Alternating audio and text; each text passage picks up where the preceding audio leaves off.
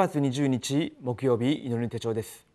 今日の祈りの手帳のタイトルは福音のためにロークしたもの。聖書の箇所はローマ書16章6節です。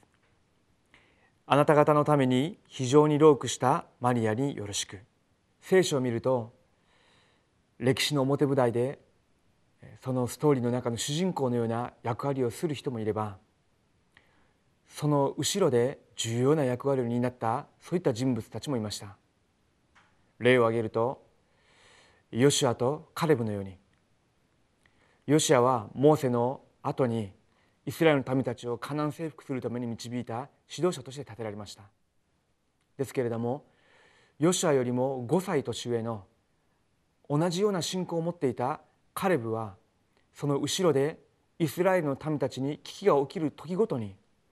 現れてヨシアを助けるようになりました。聖書の中でそういう重要な弟子たちがところどころにいました。今私が伝道運動をしてますけれども牧会者のすぐ隣でまた後ろでそのように伝道者を助ける重要な住職者指名者レムナンたちがいることによって実際地域福音化世界福音化がなされるでしょう。今日私が読んだローマ書16章の本文の中にもそのような人物たちがところどころに記録されています。その人たちがどのような働きをしたのかその人たちがどういう立場にあったのかそういったこともわからない人たちもいます。ですけれども間違いない事実はそこに伝道者パウロがその人たちを覚えて祈りながら名前を記したということです。私と皆さんがそのような伝道者の道路者となってまた共に自分の名前が表されなくても伝道運動のために進んでいくそのようなものとなれるように一緒にお祈りしたいと思います。では今日の序文です。福音を持つ私たちは時代の主役になります。主役になるためには目に見えない助演を良くしなければなりません。目に見えないロークがとても重要です。聖書にはロークしたマリアが誰であり何をしたかに関する記録がありません。ロークという単語は原文には受難という意味があります。神様は現れた働きも重要に見られますが現れていない働きをもっと重要だと思っておられます。一つ目です。旧約聖書で目に見えないようにロークした人々。旧約聖書で目に見えないようにロークした人は誰ですか？カレブです。カレブはヨシュアと同じようにモーセに仕えた人です。モーセが死んだ後ヨシアは指導者になりました。ヨシアは友達ですがモーセにしたように使いました。遊女ラハブも隠れた献身をしました。旧約聖書を見ると悪いアハブ王のもとでオバデヤが預言者100人を隠しました。私たちは教会のことと職場など神様の前で隠れてロークするものにならなければなりません。では2つ目です。新約時代に神様の見前で隠れてロークした人々。新約時代にも隠れてロークした人々がもっと大きな答えを受けました。イエス様を訪れたニコデモは他の人が皆逃げて裏切りましたがイエス様の葬式をした人です。総督であったテオピロガイオとピレモンのような人々。プリスカ夫婦のような人々が目に見えないように多くロークした人々です。しかしこの人々より名もなくロークした人々も多くいました。3つ目です。教会史で隠れた人々。マルティン・ルターが死刑を宣告された時誰が隠したかは誰も分かりません。今もマルティン・ルターに聖書を翻訳できるように助けた人が誰か分かっていません。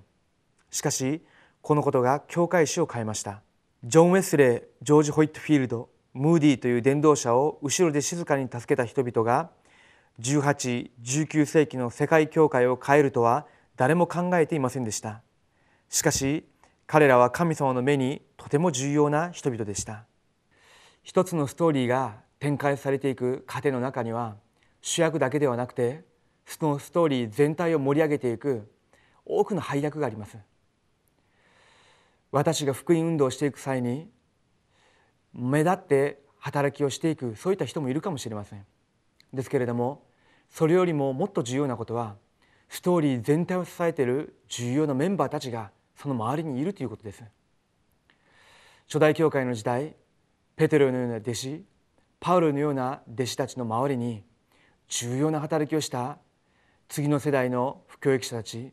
奴隷のような身分でありながらも伝道のために完全に献身した人たち住職者専門人多くの人たちがいました。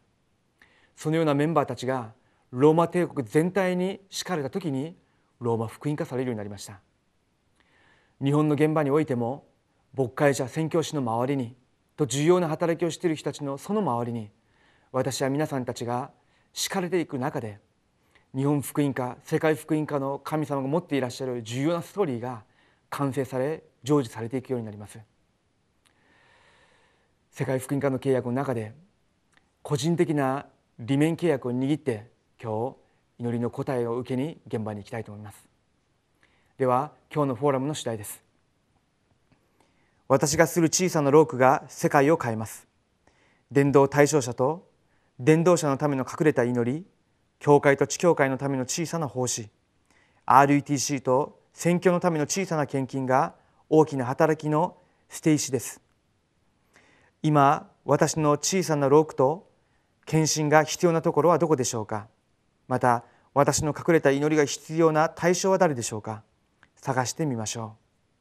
う。ではお祈りします。生きとられる神様に感謝を下げます。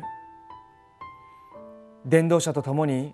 日本の福音化世界福音化のために用いられるように私を導いてくださり感謝を下げます。ローマ書16章に記された働き人たちのように隠れた献身小さな働きをしていたとしても神様が最も必要としていらっしゃる働きの中に自分たちが献身することができるように主が私の今日を祝福してください生きとられるイエス・キリストの皆によってお祈りします。アーメン